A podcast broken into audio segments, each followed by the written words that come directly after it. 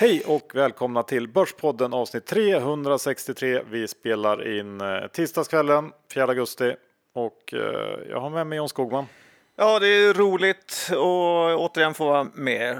Sitter i Tällberg här i Dalarna och eh, ser den härliga Siljan Johan. Hur mycket ångrar du dig att du har köpt en eh, lägenhet i det afrikanskt kokande Marbella? Dessutom nu när euron kraschar rakt ner i backen så blir det bara sämre affär för varje dag som går. Ja, men man mäter ju inte alltid pengar John. Nej, men jag tycker att det känns helt okej ändå. Jag läst, har ju läst om den sämsta sommaren på 60 år och eh, ja, men det är ändå kul att se eller att läsa om alla som försöker få det till hur härligt det är hemma fast man vet eh, hur mycket de ljuger för sig själva. Och du är en av dem. Men eh, ja. Nej, man har ju torgedinat en del, så är det ju. Ja. Eh, vi lämnar det och eh, går över till vår huvudsponsor som är CMC Markets. Ja, det är helt uh, otroligt vilka tradingmöjligheter de erbjuder nu. Vi ser ju hur uh, Eh, råvaror eller kanske för den delen bitcoin eller också aktier, typ Tesla, hur mycket de rör sig. Och då är det fantastiskt att ha en sån här app som eh, CMC har där man blixtsnabbt eh, kan agera på ja, vad man vill, kort som lång, eller hur Johan? Så är det. Den är ju dessutom prisbelönt. Så ladda ner den om ni inte gjort det. Och titta också på deras ETF-handel. Eh, de har marknadens bästa villkor. Man kan handla alla amerikanska ETFer utan innehavskostnad. Det är 9 dollar i fast courtage oavsett storlek och 5 gånger hävstång. Och eh, det här courtaget gäller också för alla amerikanska enskilda aktier om man är sugen på det. Så titta på deras ETF-utbud helt enkelt. Ja, men kom ihåg, det finns alltid risker med CFD-handel. Idag fortsätter vi plocka upp lite eftersläntrare i rapportperioden. Eh, det ska bli insideraffärer. Det ska bli Lundberg. Ja, det... Systembolaget ska det bli också. Ja, det ska bli Trump och eh, det kommer bli eh, en del rapportbolag, men även aktier som kan överraska positivt eller negativt för den delen med. Men innan vi kör igång så är vi också sponsrade av elektronisksignering.se. Smittfri signering, eh, väldigt bra nu när vi kommer att arbeta hemifrån även under hösten. Eh, du och jag har testat det här John och det funkar ju upp, ypperligt bra helt enkelt. Ja, men det gör det verkligen. Min fru signerade ett eh, nytt anställningskontrakt här faktiskt med elektronisk eh, signering. Så det var ju fantastiskt kul att det fungerar så bra istället för att hålla på och scanna in, skriva på och fotografera och skicka hit och dit. Eh, så det fungerar helt perfekt, eh, så jag rekommenderar det verkligen. Ja, det är gratis, säkert och enkelt och eh, det är bara att gå in på elektronisksignering.se och testa. Eh, inga uppgifter sparas och man behöver inte registrera sig så att det är bara att köra igång direkt.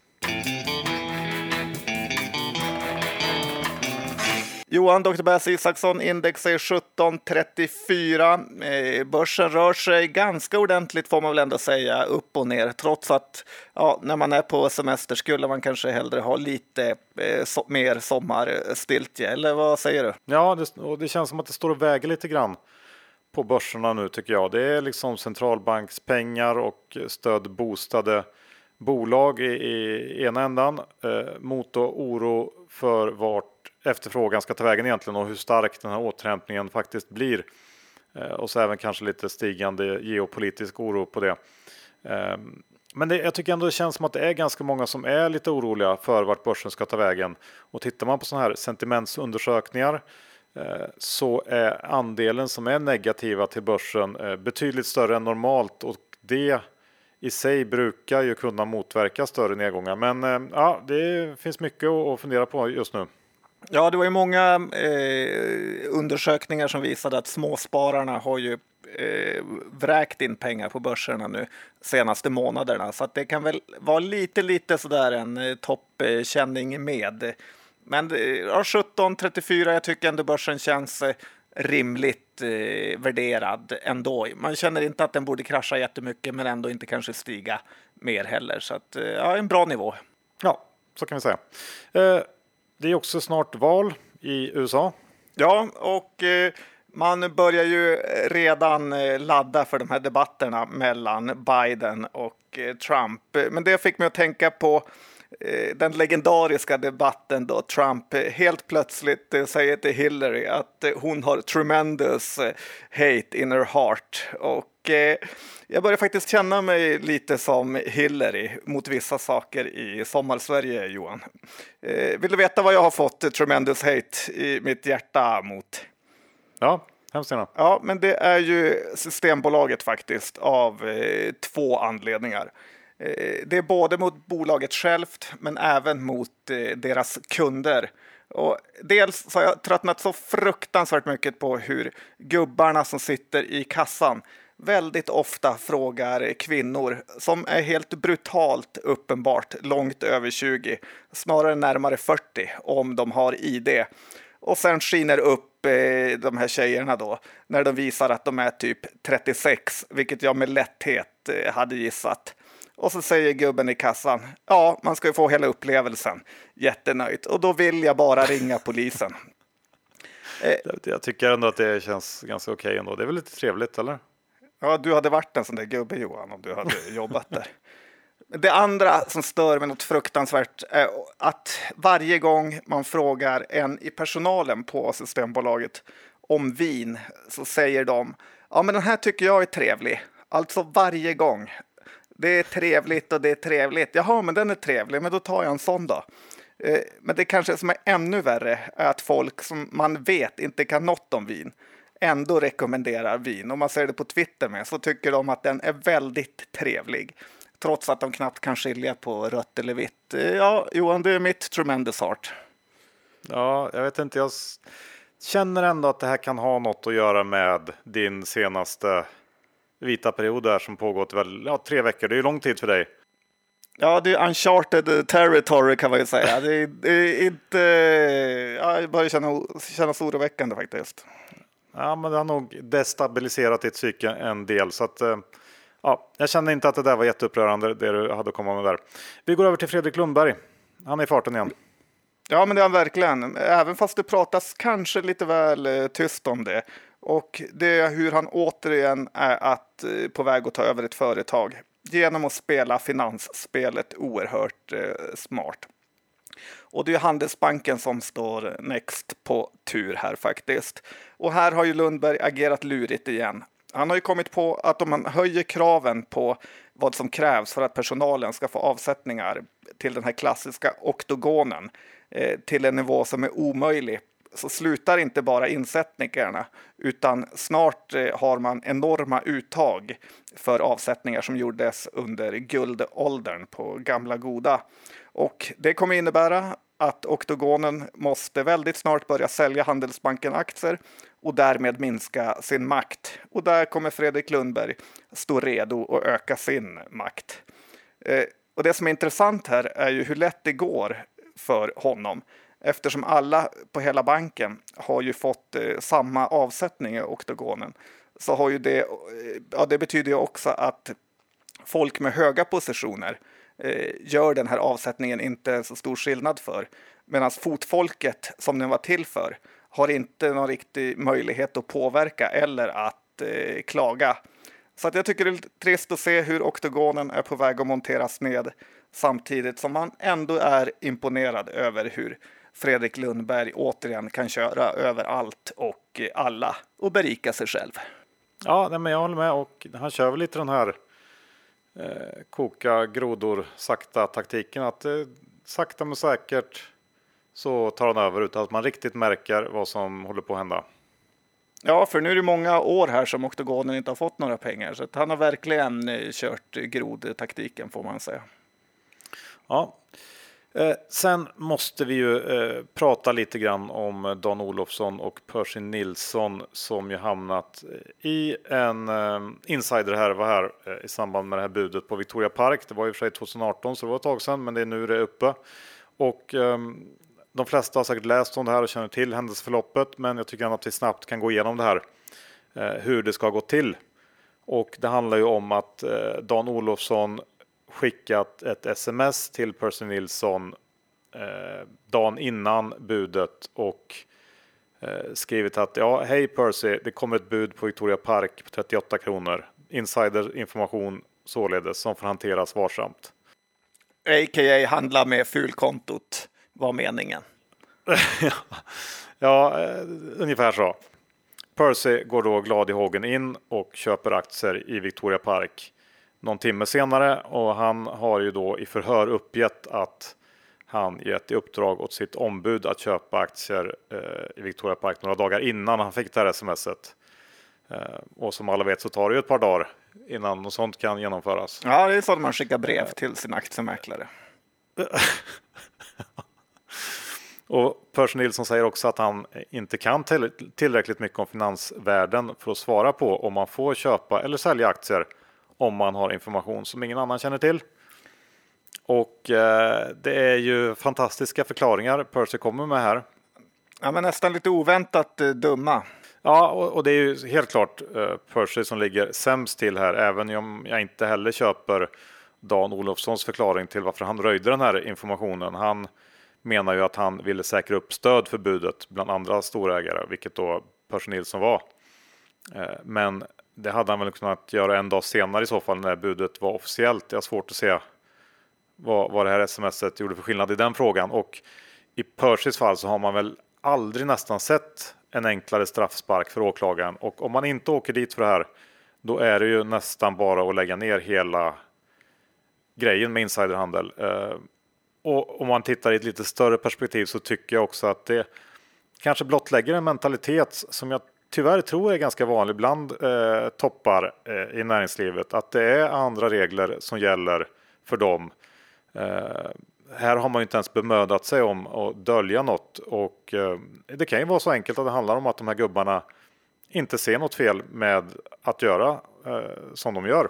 Nej, och det i sig är ju ett eh, stort problem. Ja, man ska komma ihåg att många av de här stora finansmännen vi har i Sverige idag har ju gjort den största delen av sina pengar på fulaffärer.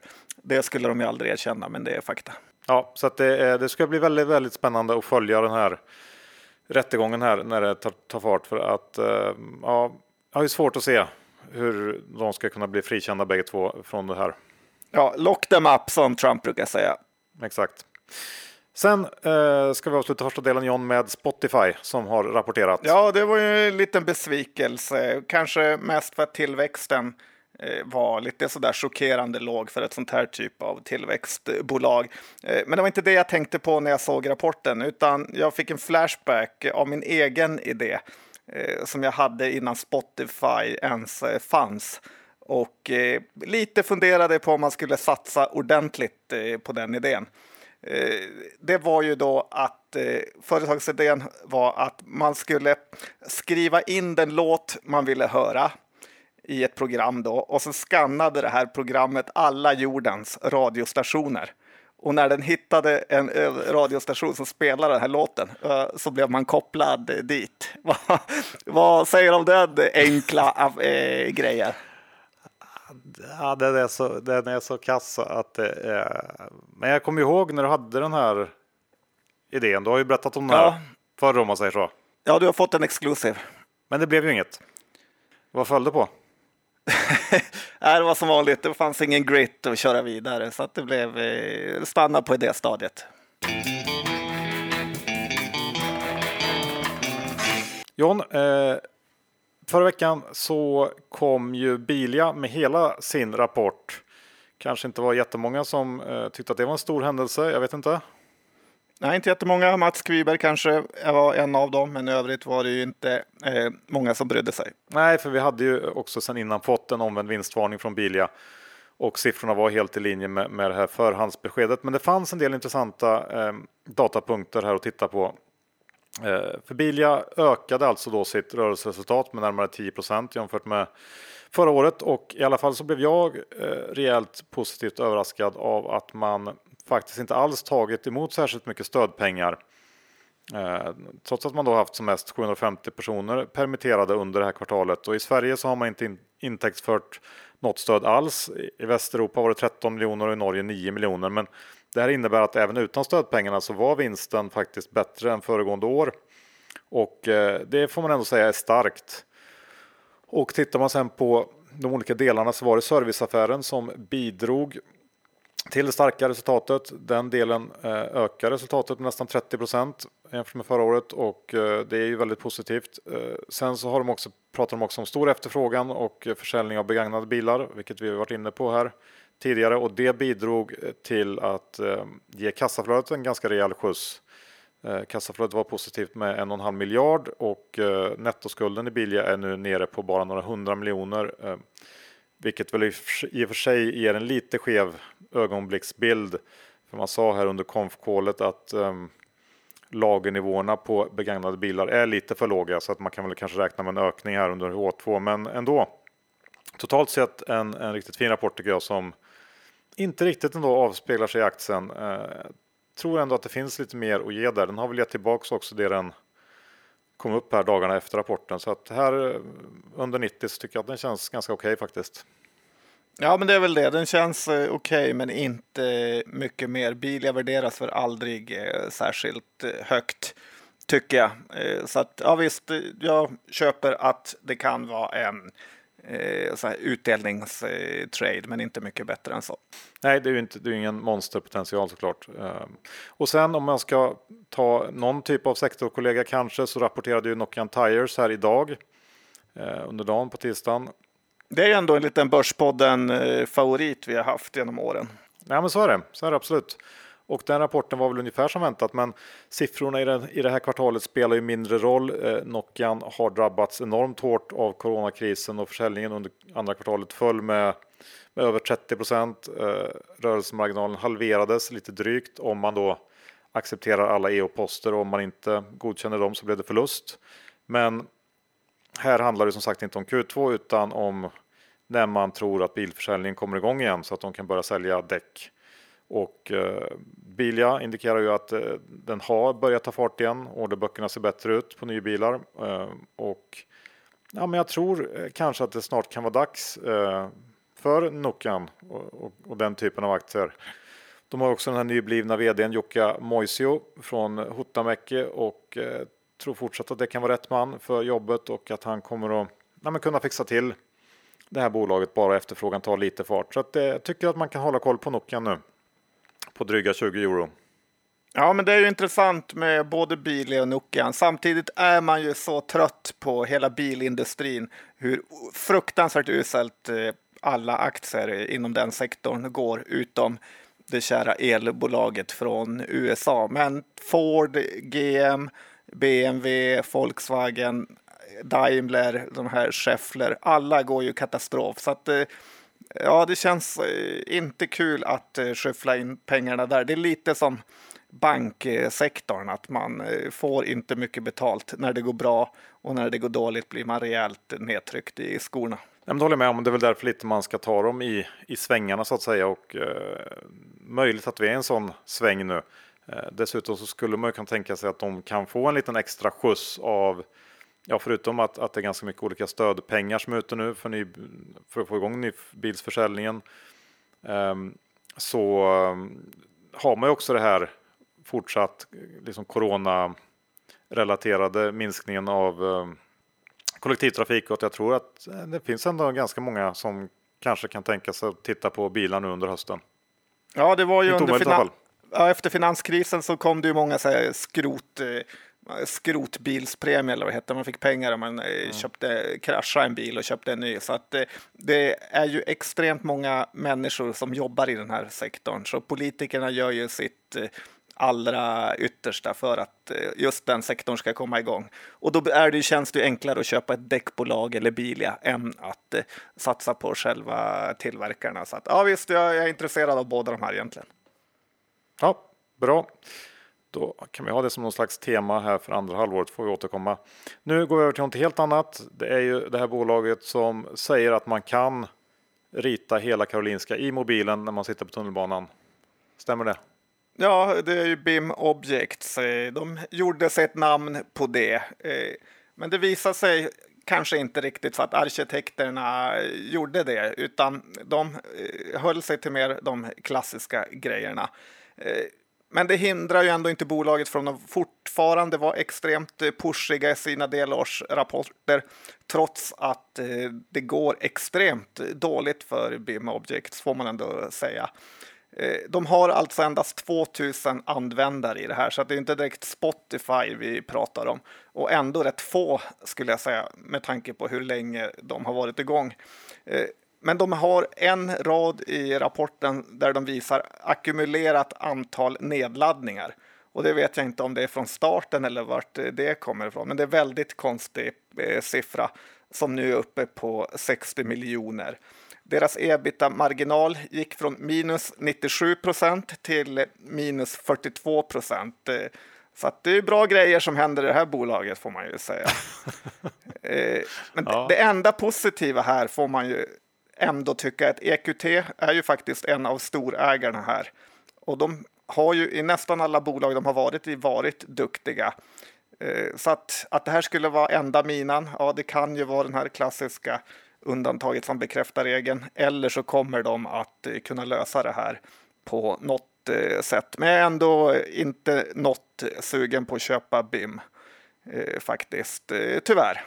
Nej, man vill ju se att det tar fart, men nu det är väl snarare att det tar inverterad fart, fart på något sätt. Va? Det här, jag kollar bara snabbt på liksom rubrikerna i rapporten när den kom och eh, det var ju inte särskilt imponerande. Speciellt eftersom många andra liksom, digitala eh, affärer verkligen har gynnats av coronakrisen. Men det verkar ju liksom inte riktigt vara fallet för BIM. Nej, men eh, arkitekterna har ju inte åkt kollektivtrafik och då har de inte kunnat rita något i mobilen. Det kan vara det. ja, jag tänkte inte på det. Klart det var det. Eh, vi fortsätter med, med, bolag som börjar på B. Byggmax har vi pratat en del om, men eh, du vill säga ja. mer? Ja, men nu känner jag faktiskt att det här, det här har varit en av eh, vad ska man säga, vårsäsongens bästa tradingaktier med hur mycket den har eh, rört sig. Och eh, efter den här fina Q2-rapporten så har ju aktien gått ner då från 60 till ungefär 47 nu och jag har faktiskt börjat köpa in mig igen. Eh, Byggmax tjänade ju över 4 kronor per aktie i Q2 och eh, tittar man på förra året så tjänar de 2,60 per aktie i Q3. Eh, och det känns nästan som en självklarhet att de kommer krossa det i år då eftersom den hemmafixtrenden bara fortsätter. Eh, Byggmax har ju nu i princip ingen nettoskuld om man drar bort de här IFRS-reglerna att man, man ska ta upp hyreskontrakt eh, som skuld. Och eh, tittar man på Bygg hemma eh, som eh, ja, då såklart har allt eller mycket mer mot online och ja, kanske ligger lite högre upp i kvalitets eller värdekedjan där. Så omsatte Bygg hemma 2,6 miljarder och Byggmax 2,5 Eh, medans Byggmax tjänade mycket mer pengar. Eh, men det intressanta är att Bygghemma värderas till 11,5 miljard och Byggmax till 2,9 här. Eh, så det är ju enorm eh, värderingsskillnad. Sen har ju till det negativa då så har ju Kiel börjat blanka Byggmax, vilket i och för sig inte behöver säga mycket. De har gjort bort sig en gång med sin blankning i den. Och vi hade dessutom ett insynssälj här eh, som inte var jättekul. Men jag tror ändå att när vi närmar oss Q3 så kommer man nog ändå börja fundera på om det inte kan bli ett till sånt här monsterkvartal. Så att jag har gått lite lång här faktiskt. Ja, men den, just den taken köper jag att det kan säkert byggas upp lite liksom förväntningar när vi närmar oss Q3. Eh, sen tycker jag det fortsatt är så att det är svårt att fundera lite på hur mycket engångseffekt det här året egentligen är och vad, vad ja, hur ser det ut 2021, 2022 kanske? Blir det liksom fallande vinster då? Jag vet inte riktigt. Ja, så är det ju såklart. Eh, det är väl det marknaden är rädd för också. Men eh, jag håller väl med om kortsiktigt kan det vara en liten trade. Eh, sen har vi Securitas som i vanlig ordning är riktigt sena med sin rapport. Kom med sin Q2 förra veckan. Eh, och den var ju i linje med de flesta andra storbolagsrapporter. Eh, omsättning i linje med ett resultat som slog eh, förväntningarna ganska rejält. I det här fallet 24% bättre. Och eh, i och för sig eh, ganska dopat av stödpengar också. Eh, och tittar man på de olika delarna, USA går lite bättre än Europa och det är väl till stor del drivet av att man påverkas mer av flygplatsnedstängningar eh, i Europa.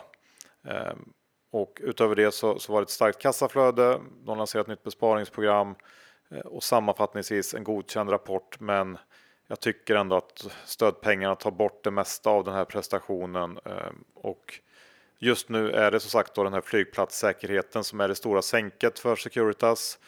Eh, som det ser ut eller som det känns så kommer det ingen jättesnabb ljusning på den fronten eh, och det är väl också mot den delen som det här besparingspaketet till stor del riktar sig. Så att jag vet inte, jag tycker att aktien är ganska rimligt värderad här.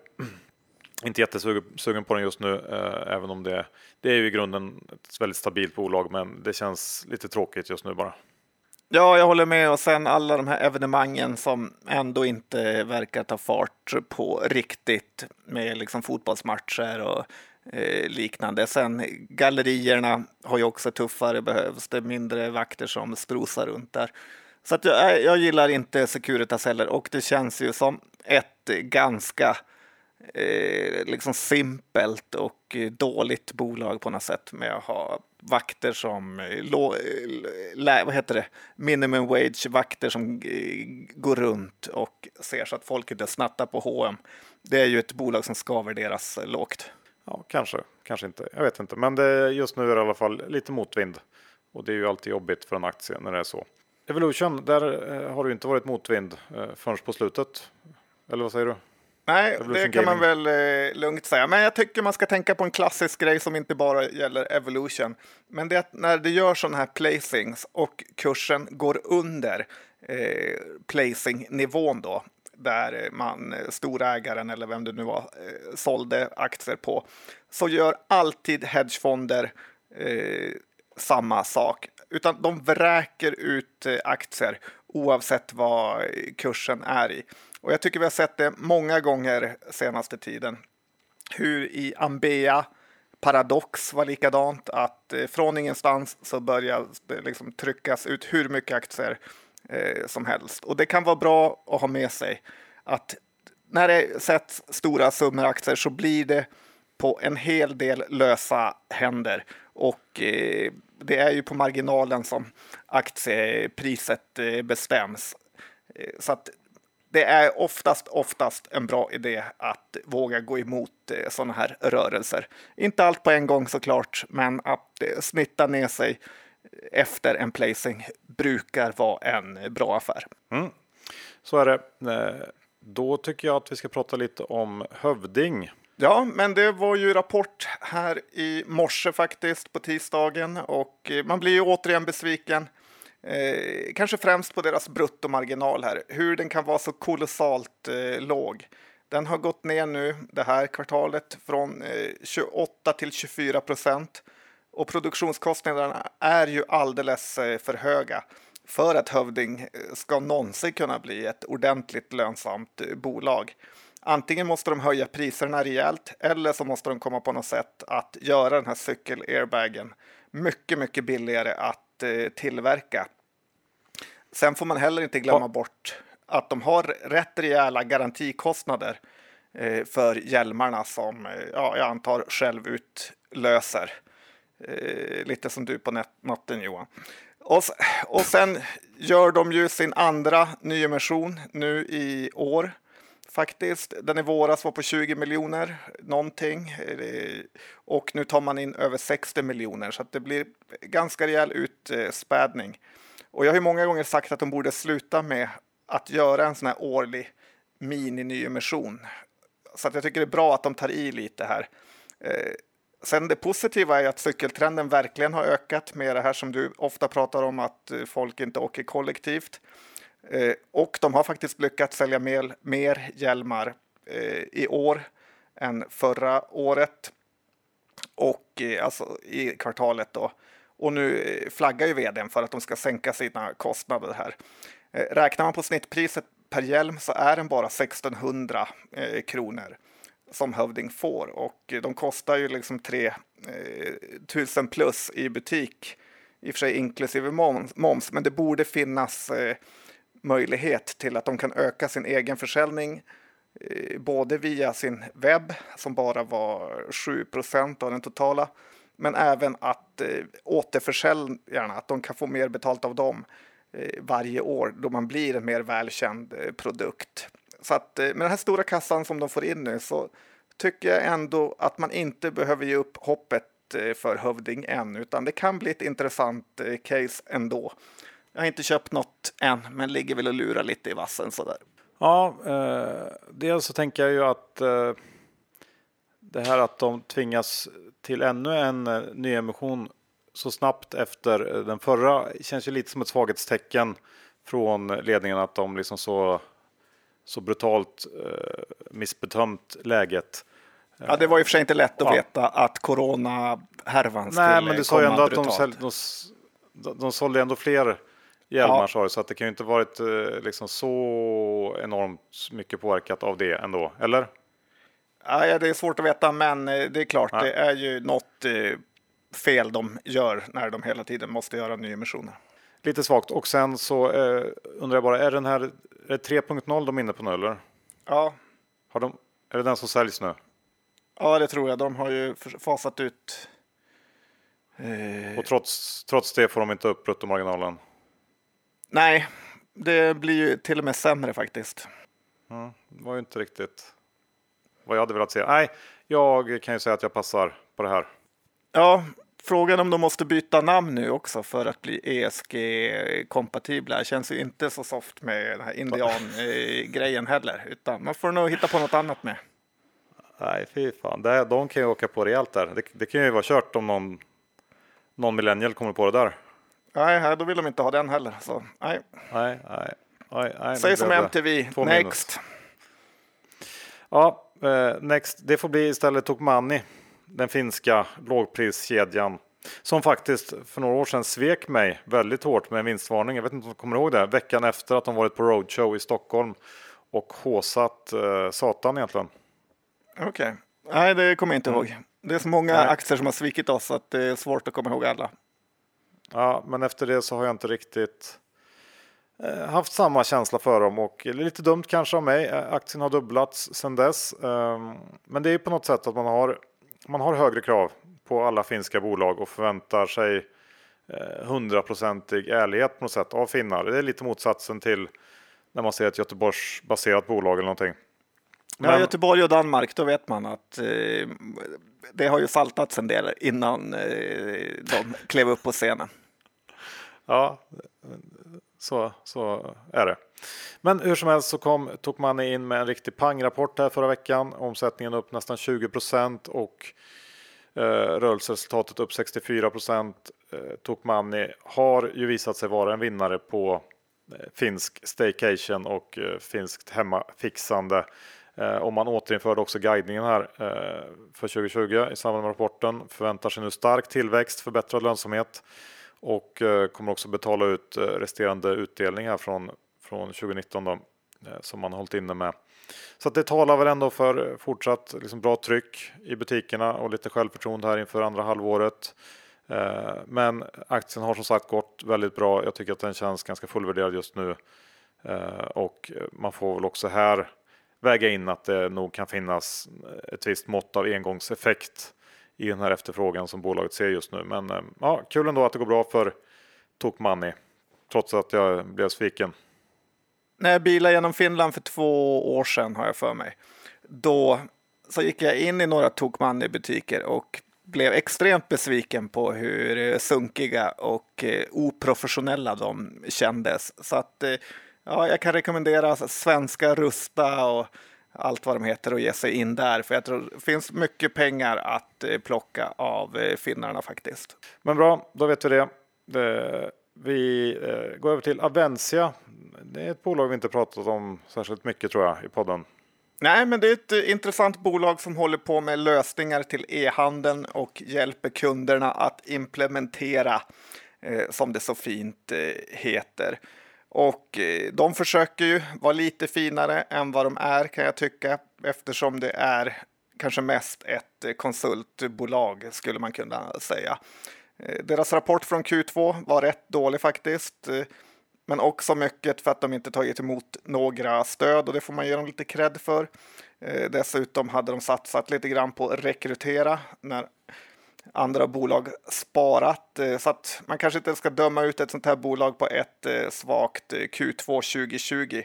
En intressant grej är ju att vår gamla kollega Johan Måns Flodberg, alltså Holding Måns, är en av bolagets största ägare här och jag såg att han hade aktier för 9 miljoner så han brukar ju veta vad man ska göra faktiskt. Så att Eh, ja, tittar man på Introduce så har ju de lite prognoser och eh, jag tycker man kan läsa på där om man är sugen på att rygga Måns. Mm, nej, absolut. Eh, jag kan inte särskilt mycket alls egentligen om Avenza så att jag får väl också göra det då. Läsa på. Ja. ja, man lär sig något nytt varje vecka man lyssnar på Börspodden Johan. Du, hur är det med Fagerhult då? Det är ju en gammal favorit som, som inte levererar längre, eller? Ja, det har blivit en brutal eh, surdeg det här. Q2 har inte kommit än och jag tycker man ändå ser fram emot eh, den rapporten. Eh, då aktien egentligen inte gått något från botten eh, samtidigt eh, som både jag och eh, börsen verkar ha den här känslan av att Fagerhult är en blandning mellan Itab och eh, Lammhult. Eh, eh, det sjuka, kom jag på idag faktiskt, är ju att Johan Gertsson eh, som tidigare var vd för Fagerhult har ju också jobbat på Lammhult. Eh, så det är ju en liten sån där eh, korsning som man inte vill ha. inte direkt det man lägger upp för, överst på LinkedIn.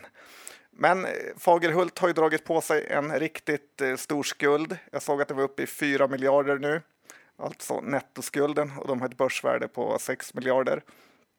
Eh, och jag tror också att de blev kanske lite väl upphåsade av både marknaden men också av eh, sitt eget ego under den här LED-hypen som eh, var under något år och var extremt eh, bra för Fagerhult. Eh, men också finns det väldigt mycket skit inprisat i aktien här och den har ju halverats på ett år.